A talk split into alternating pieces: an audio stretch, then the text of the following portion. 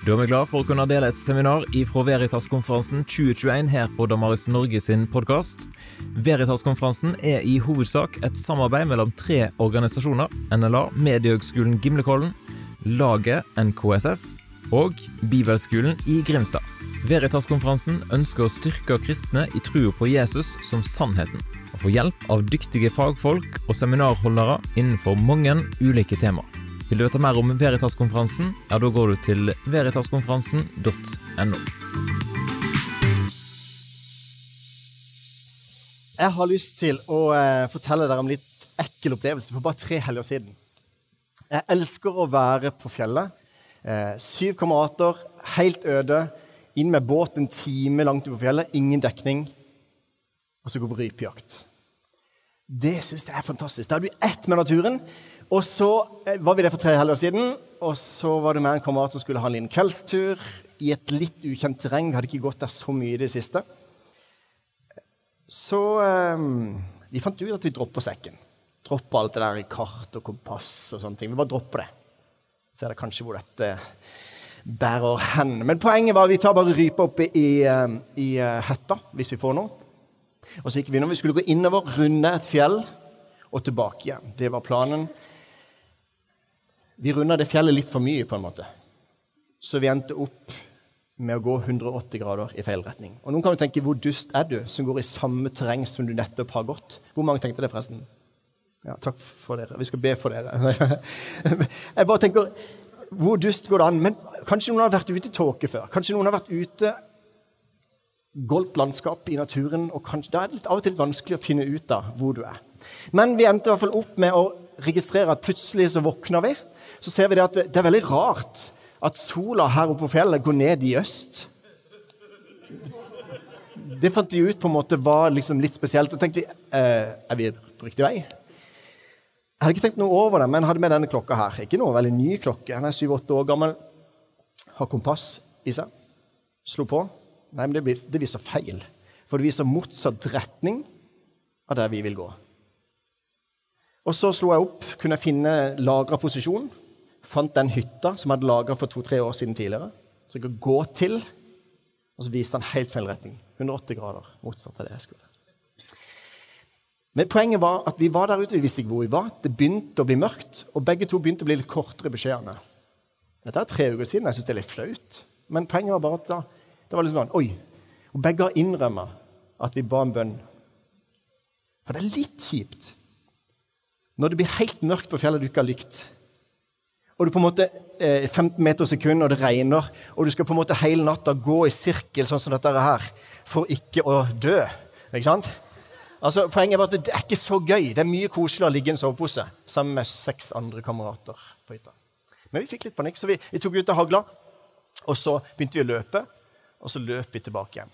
Så opplevde vi at det, Nå skal jeg ikke overdrive nå, men ca. 10-15 minutter etterpå så var det bekmørkt.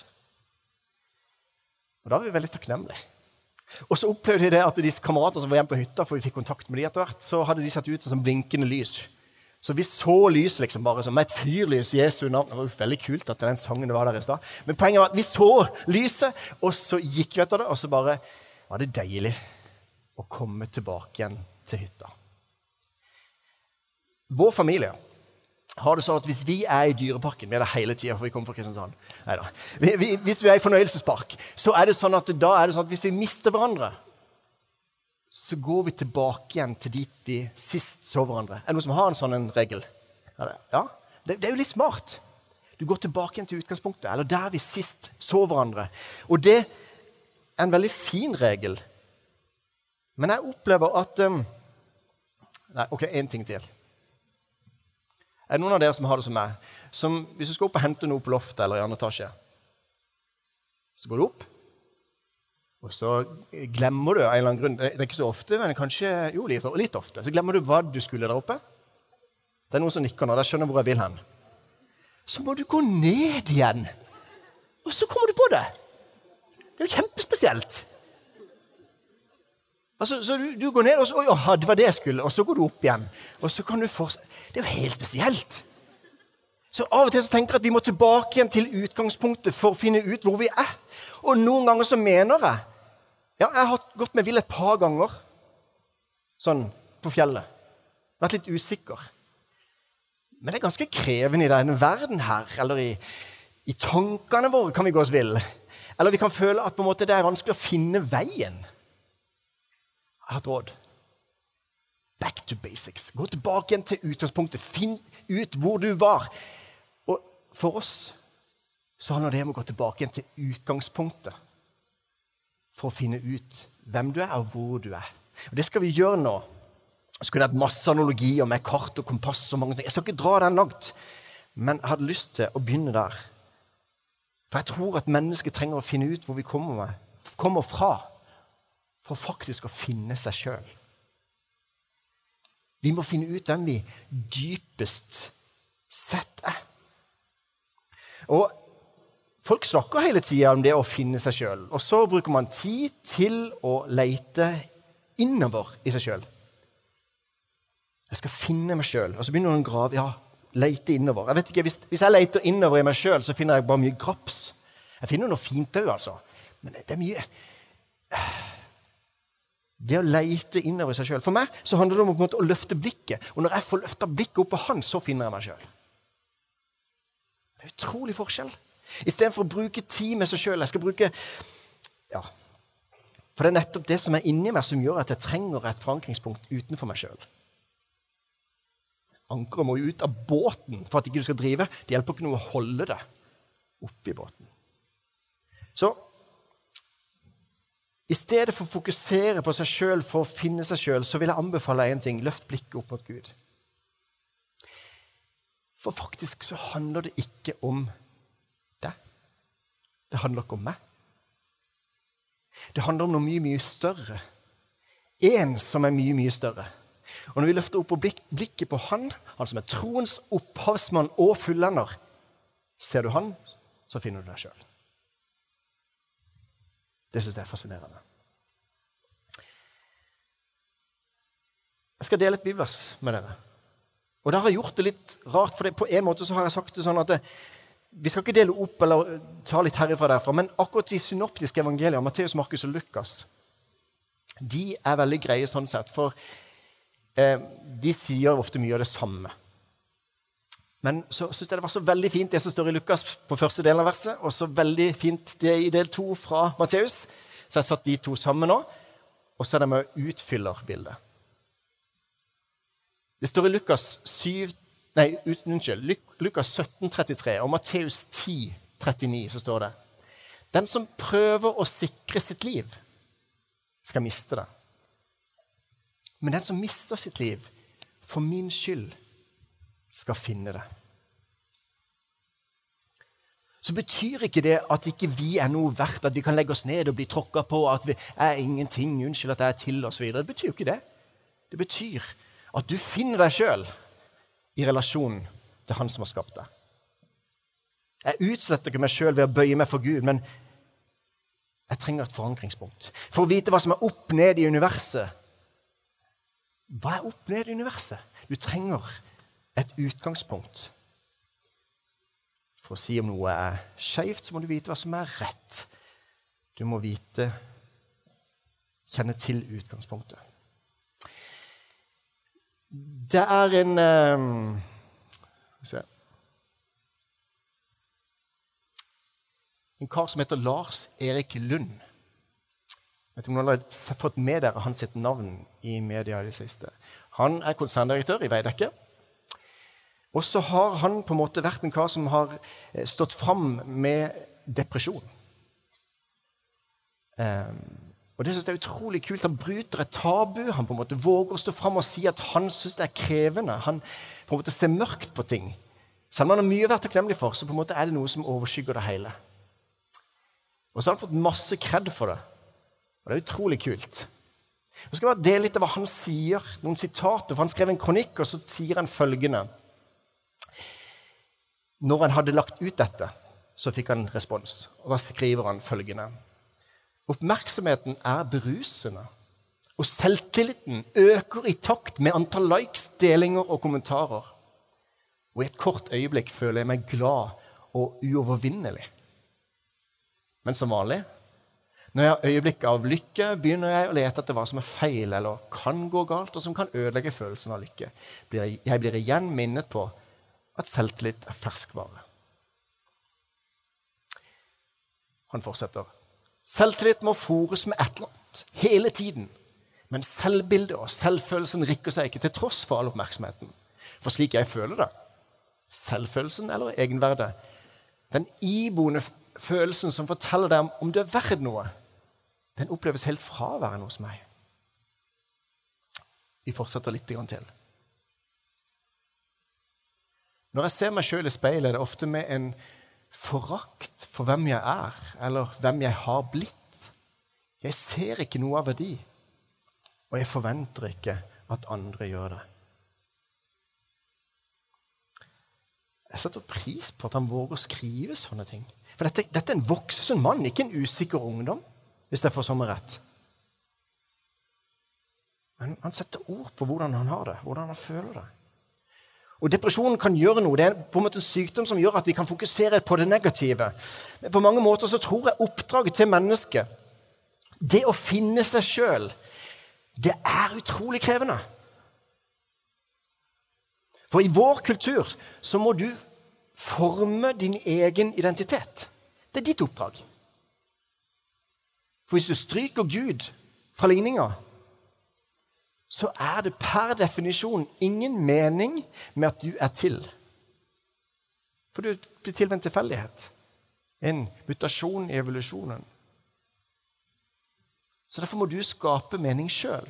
Du må fylle det med mening. Du må, fylle, du må finne din identitet. Du må skape din egen identitet. Som kristen så får vi den sanne identitet gitt som gave fra Gud. Vår kultur formidler at, at du, du, er hva du skaper, mens kristen tro den formidler at du finner den sann identitet i Gud som skapte deg. Jeg må si det for min del. Dette er et vitnesbyrd fra en som er 43 år gammel. Jeg er så takknemlig for det er så utrolig trygt å ha den identiteten, uavhengig av hva jeg gjør, eller hvordan jeg har det. Men at det er i noe utenfor meg sjøl, i noe stabilt, noe som er som ikke kan rokkes. I Gud. Og så er Guds barn, Guds medarving. Altså, det er helt fantastisk. Og så må vi huske å protestere høylytt når noen skal prøve hele tida å si igjen og igjen at det kristne menneskesynet er så negativt. Det er så negativt, det kristne menneskesynet. For mange har kanskje hørt at mennesket er en synder. Og det er sant, men det er bare deler av sannheten. Jeg syns det kristne livssynet har et fantastisk menneskesyn. Det kristne livssynet ser at alle mennesker, uavhengig av deres tro, som verdifulle og betydningsfulle, til tross for hva de har gjort eller ikke gjort. Jeg synes det er litt kult. I gresk-ortodokse bryllupsseremonier Jeg har ikke hatt så mange vielser i gresk-ortodoks sammenheng akkurat, men det er litt kult. De, de kroner De kroner brudeparet med sånne sånn konge- og dronningkroner, liksom. For de er på en måte skapt i Guds bilde. Og de er satt til forvaltere av dette skaperverket. Vårt oppdrag. Synes Det er en kul måte å markere på hvor vi kommer fra.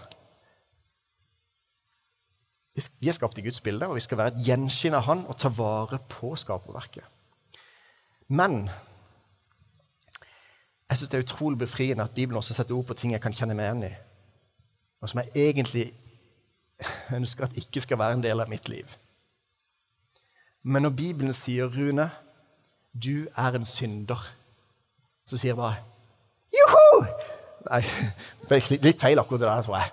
Jo, men egentlig så er det. For det, plutselig er det en beskrivelse som jeg kjenner meg igjen i. Det er ikke bare meg. Det er flere som har det sånn. Og det, det er forløsende. Skjønner du hva jeg mener? Så det som folk vil si at det er negativt, det på en måte syns jeg egentlig er litt godt at Bibelen sier. Jeg kjenner meg igjen. Det er meg, liksom. Og så husker jeg enda fra tok, fra tok eh, kommunikasjon og livssyn, så så vi en film som heter 'Så som i himmelen'. og Det er en sånn setning som har brent seg fast. Hvor det sies i denne filmen, som en sånn angrep imot kirka, så sies det at synd er bare noe kirka har funnet på for å holde mennesker nede. Så tenker jeg ja, ja, så sitter folk der. Ja, ja, ja. Mm, vi er helt enige. Men hva kaller du det da som er drit i verden? Hva kaller du det som ødelegger relasjonene mellom oss? Jeg er så glad for at det blir beskrevet med ord, og at jeg kjenner meg igjen i det. fordi at da er jeg ikke aleine. Altså, Rune, du er en synder. Yeah. Altså, se bildet av meg sjøl som roper og jubler over at 'yes'. Av og til trenger vi å vi blir hjulpet av å få satt ord på ting. Så den følelsen vi har gått med, så av og til kan det være hjelp i å bare si at Ja, hei, jeg heter Rune. Jeg er en synder. Så sier dere Hei, Rune. Men det er jo litt sånn Vi kjenner jo at vi er flere. Og det er jo litt oppbyggelig på en måte òg, da. Ja vel, synder. Koselig. Eh, nei, men da skjønner hvor jeg vil hen. Jeg syns det er befriende at det blir satt, navn, satt ord på det. Det er en sannhet som er riktig om meg. Men samtidig er et menneske skapt i Guds bilde, ukrenkelig, uendelig verdifull. Og det er også min sanne identitet. Så vi er ærlige på hvem vi er. Vi er syndere, men samtidig hellige og rettferdige. Begge deler er sant. Og så handler det om at vi må finne vår nye identitet. Vi må finne vår nye identitet og få et sunt selvbilde i Jesus. Nå, nå vil jeg at vi skal Skal vi se Vi skal gå rett og slett Jeg må, jeg må si et par ting til. det, Før vi går inn til kilden, så vil jeg si det At jeg trenger ikke å bli bekrefta eller få bekrefta at jeg er verdifull. Jeg kan få lov til bare å liksom, undersøke og vokse inn identitet som jeg har i Jesus. Um, og da er det litt sånn at eh, kulturen oppfordrer hele tida at du må være en original. Men det eneste kulturen produserer, er egentlig kopier. Er dere med? For liksom, alle skal være 100 seg sjøl. Ikke sant? Um, og så er vi kliss lik. I hvert fall er det sånn hvis en ser i, i alle hjemmene. Vi har lest de samme interiørmagasinene. Vi se de samme filmene, og så blir vi påvirka. Så tror vi at vi er originaler. Men, men, hvis vi får lov til å se hvem vi er i Jesus og får lov til å, Det betyr ikke at alle blir like, for vi blir lik Jesus. Men vi får lov til å være den personen som vi er skapt til å være fullt ut. Og eh, jeg vet ikke, jeg, jeg, føler at det, det er ikke noe, jeg blir ikke noe sånn oppbygd av at mennesker sier 'jo, du er god nok', du er god nok. Eller i koronapandemien 'alt blir bra'. Jo, det er fint å bli minnet på at det kanskje kan bli normalt igjen. Det er ikke sikkert. Hvem som kan si det? Jeg som, jeg som kristen kan si det. Alt blir bra. Men vi trenger å ha Det hjelper ikke å bare si det. Vi må ha et fundament for det vi sier.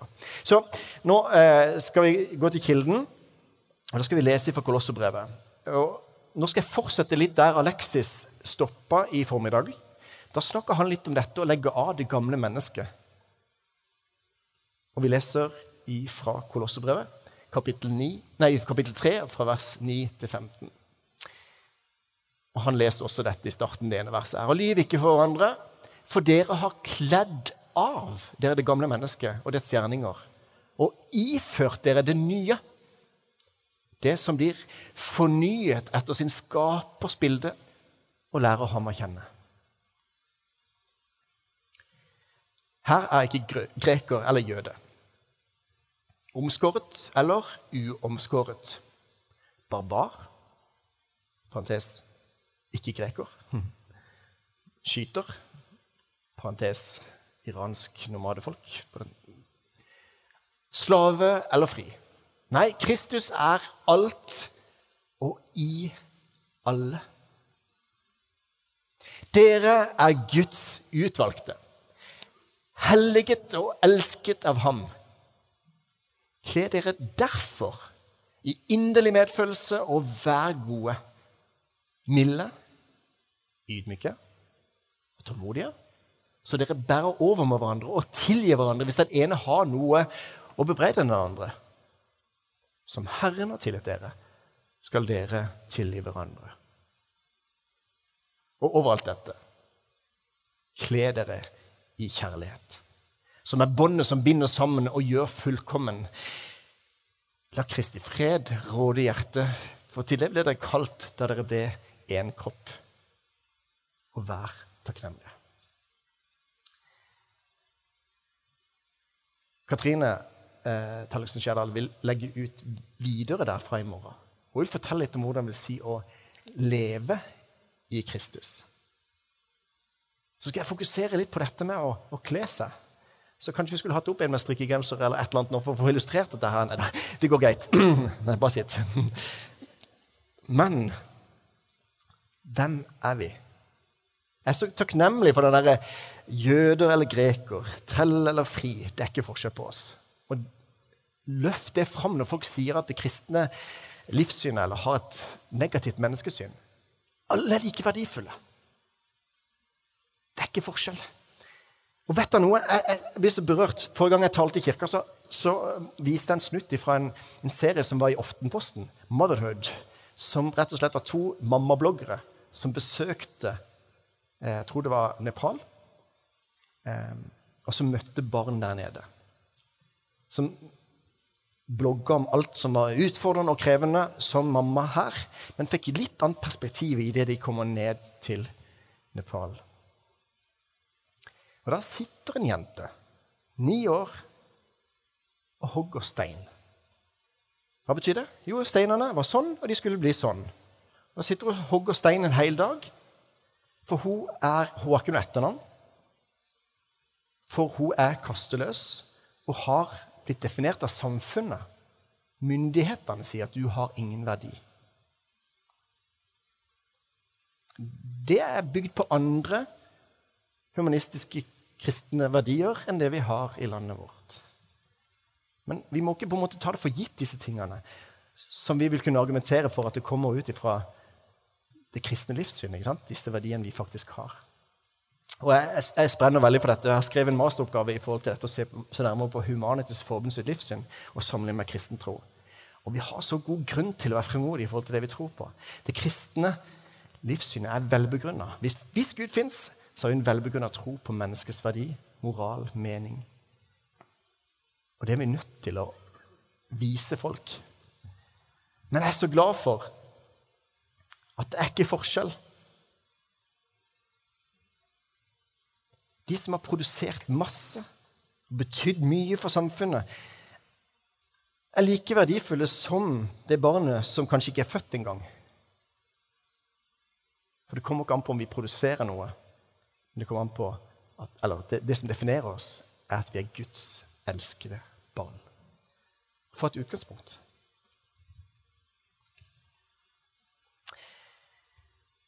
Henry Nowen han sier det sånn på den måten her, at du er ikke hva du gjør. Jeg har lyst til å si det til dere unge veldig tydelig. Du er ikke hva du gjør. Du er ikke hva du har. Du er ikke hva andre sier du er. Ikke bygg identiteten din på det. Ikke bygg selvfølelsen din på det. Men du er Guds elskede datter. Guds elskede sønn. Og Da takler vi mye, mye mer at folk kan gå imot oss, det vi har å tro på, eller et eller annet samme hva vi måtte bli utsatt for. Der har vi vår identitet. Det er ikke rart det er stress med sammenligninger hele tida. Vi må produsere, vi må eie, vi må skape vår egen verdi, og det, er, det gjør oss sliten. Du er Guds elskede barn. Det nærmer seg halloween. Og vi har tidligere i kirka hatt vennefest. Det Vi stoppa litt av korona. og vet ikke om vi kommer i gang med det, for Nå skal jo alle ut og ringe på knask eller knep. Vi prøvde febrilsk å si at det er ikke det beste du gjør. Så nå sier de knask eller knask. Kanskje det er bedre? Jeg vet ikke. Poenget i hvert fall at eh, halloween, vennefest, utkledning. Snille kostymer. Marius, min sønn, han skulle kle seg ut som politi. Og så jobba jeg i kirka da, og skulle være med han og skulle kle meg ut. Så her er et genialt tips til alle som er fedre, eller skal bli fedre. Jeg tok en jaktøreplugg inn i øret, og så gikk jeg, og så, så var jeg politi i sivil. Så jeg hadde kledd meg ut. Så folk spurte har ikke du kledd deg ut. Jo da. Politi i sivil. Det er veldig bra eh, utkledningstips eh, hvis dere har lyst til å ta det med dere. Men det som er veldig kult med det, det var rett og slett det at min datter, da, som ikke hadde lyst til å kle seg ut, så sa hun jo nei, jeg er prinsesse i sivil. Ja, altså, Fantastisk. Hun har skjønt det, tenkte jeg bare. Eller jeg sa det òg. Hun har skjønt det. Det virker kanskje litt kleint, dette, med litt sånn dårlig overgang, og sånn, men, men, på en måte er, Guds elskede barn uh, i sivil. Ja. Men altså, selv om ikke folk ser det, det er min identitet. Og, og, og da handler det nettopp om dette at vi skal ikle oss Kristus. Jeg elsker dåp. Eh, og helt til venstre der så ser jeg der en dåpskjole. Og dette er fra, fra menigheten vår. Det, det, det, til venstre der er en dåpskjole, og det, andre der er korona, koronadåp. Hva betyr det? Forslag? Det betyr at de har vokst så mye gjennom koronaen at det ikke er plass til dåpskjolen. Ser du? Så det er en koronadåp. Så vi, vi, måtte samle opp en del dåp, så nå er det masse dåp i, i Østsida frikirke. Men i hvert fall, poenget er at jeg elsker det der med at de er ikledd inn lang kjole, og alle barna sier 'Hvorfor skal de gå i kjole? De er gutt', osv. Så, videre. så er det så fantastisk at du er ikledd Kristus. Og ikke nok med det, du kan få lov til å vokse i Kristus. Og så er det litt kult når det da er konfirmasjon. Og eh, Da skal vi få lov til Og de samme kappene, på en måte. Er, vi har fått lov til å vokse i dem. Men ikledd Kristus. Det er vår identitet. Jeg synes Vi går litt for lite i sånn kapper når vi skal på, på møter. Så kanskje vi kan begynne med den Veritas-konferansen. At vi, vi får noen ukledd noen hvite kapper. I hvert fall lovsangsteamet kunne stått i noen kapper. Det hadde Neida, men, men jeg syns det er en fin symbolikk. Og det handler ikke om at alle må ha barnedåp, det handler ikke om det, men det handler om noe med symbolikken her som er utrolig fin, med at vi er ikledd Kristus. Eh, for det sto i Kolosserbrevet 3,12, og da er det viktig å si dette. Dere er Guds utvalgte. Ikler dere derfor. Og så skal du ikle deg gode gjerninger. Men fordi du er hellig, så oppfordres du til å leve et hellig liv. Ikke for å bli hellig, men fordi du er hellig. Det er så viktig. Det er så mange som misforstår det utenfor eh, kirka. De tenker at det, det passer ikke for meg å være kristen, for jeg må begynne med det og det og det, og så må jeg slutte med det og det og det. Og så har de ikke skjønt at de er hellige i Kristus. Så jeg tror kanskje vi også sliter av og til med å forstå det. Og tenker at Gud elsker oss mer hvis vi har vært flinke til å lese i Bibelen, og Gud elsker oss mindre hvis ikke vi har fulgt mange gamle damer over veien i det siste. Ikke sant? Det er ikke der i den vår. Du er Guds elskede barn. Du er hellig. Gud ser på deg gjennom Jesus. Du er uendelig verdifull. Så eh, og Så kommer formaningene, oppmuntringene eller oppfordringene. De fortsetter etterpå i brevet. Og Det skal egentlig Katrine fokusere mer på i morgen. Men vi må ikke gjøre det for å bli lik, altså vi skal prøve å bli lik Jesus, men ikke for å bli frelst. Men fordi vi er det, så oppfordres vi til å leve. Så fordi vi er i Kristus, så ønsker vi å bli lik Jesus. Vi ønsker å bli, leve som Kristus. Jeg skal tilgi fordi jeg er tilgitt. Jeg skal elske fordi jeg elsker. Motivasjonen for å elske den irriterende personen du tenker på akkurat nå Kanskje du tenker på en irriterende person? Prøv å tenke på en. Ikke pek. Nei da. Motivasjonen for å elske den irriterende naboen er ikke fordi at han er så himla elskverdig men fordi Gud elsker den irriterende meg.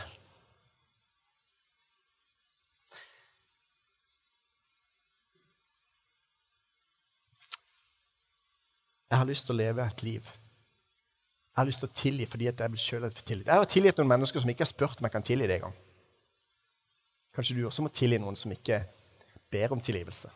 Men jeg har gjort det for, at jeg kunne sette en fange fri, for så å oppdage at fangen var meg sjøl. Jeg tilgir ikke fordi de fortjener det, eller fordi det var greit. Å tilgi betyr ikke å si at det er greit, men det er å tilgi å overgi dommen til Gud. Han som kan se og dømme rettferdig. Og så kan jeg bli satt fri istedenfor å gå inn i bitterhet eller andre ting.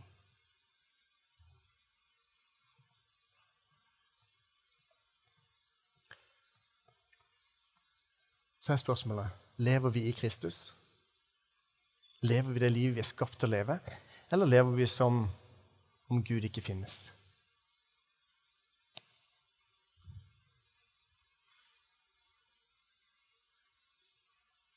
Livet handler om å finne din nye identitet, din sanne identitet, ditt sunne selvbilde i Jesus. Det handler om selverkjennelse mer enn selvrealisering. Vi trenger å finne tilbake til dit de kom fra. Den gnisten som er i deg, og veien går gjennom Jesus Kristus. Han som gjenoppretter den tapte relasjonen, den tapte identiteten. Så fins det en redning. Det er derfor det er så himla oppbyggelig å høre at den synder. Fordi det fins en løsning og et svar på det. De er egentlig lost. Men vi er funnet. Lost and found. Har det vært på hittegods noen gang? Heter heter lost and found. Tenk på det neste gang. At du var lost, men du er funnet.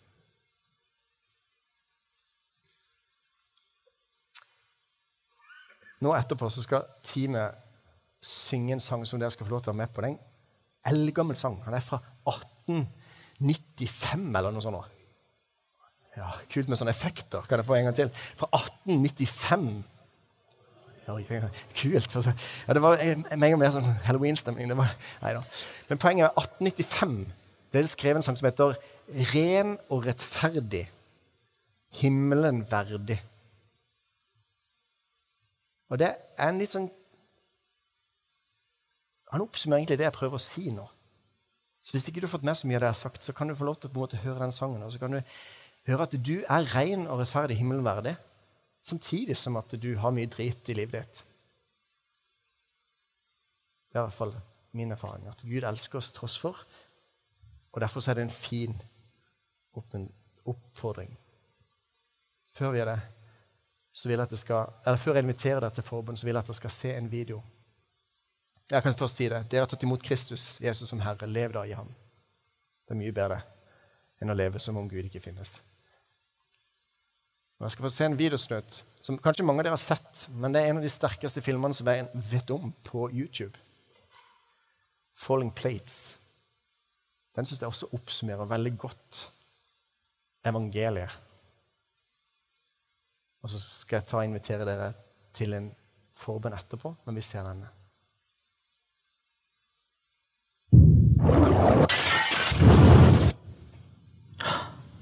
You. Look at your eyes. Look at them. Speckled, colorful, each one unique. And I created every one of them. I created everything universe, and you. I gave you your personality. I made you pure, complex. And every day, I give you life. I love you. But something happened. You cheated on me. You didn't trust me.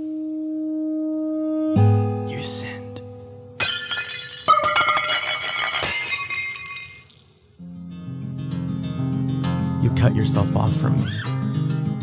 And although you're still alive, you were slowly dying. So you looked for other things.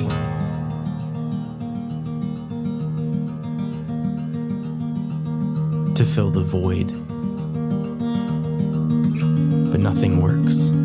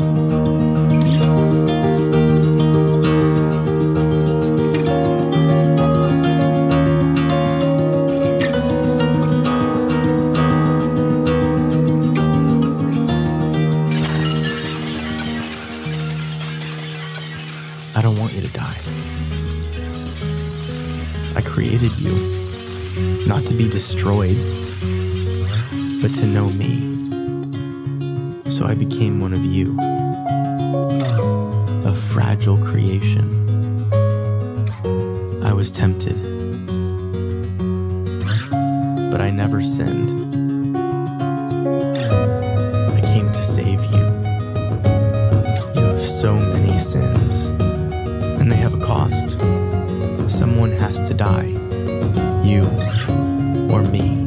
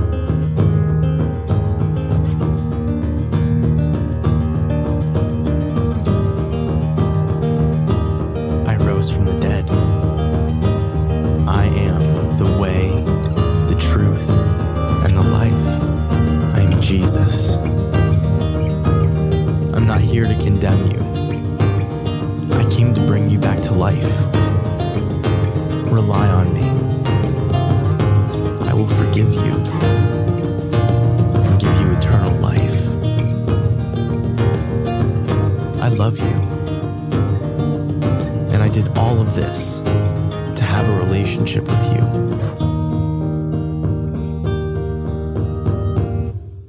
Will you follow me?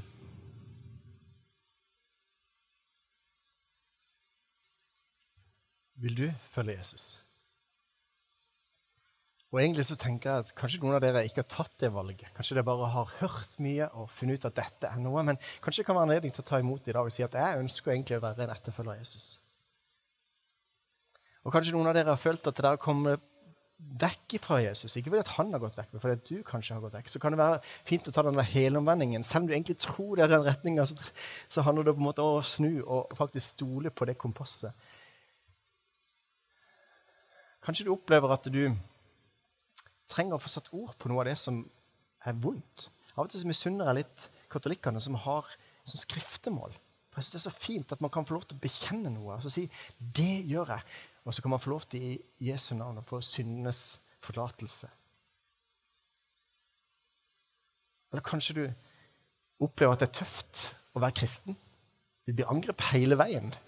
Kanskje du trenger å bare få bli bedt for. Da er det et fantastisk sted å komme på Veritas-konferansen og kjenne at det er mange som ønsker å vise at de er kristne der de er.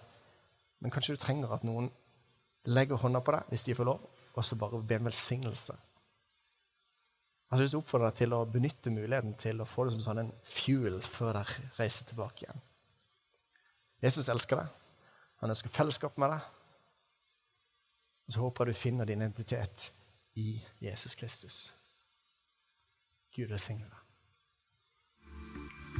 Takk for at du lytta gjennom seminaret. Og skulle du ønske at flere fikk med seg det gode innholdet, ja, da kan du jo faktisk dele seminaret med noen som du tror vil sette pris på det. Husk òg at du har muligheten til å kjøpe bøker via nettbokhandelen på damaris.no. Du vil f.eks. finne bøker skrevet av noen av de som hadde seminar på Veritas-konferansen. Så sjekk ut damaris.no for å kjøpe noen gode bøker. Da ønsker jeg deg en fin dag, og så kommer det snart nye seminar ut på podkasten vår.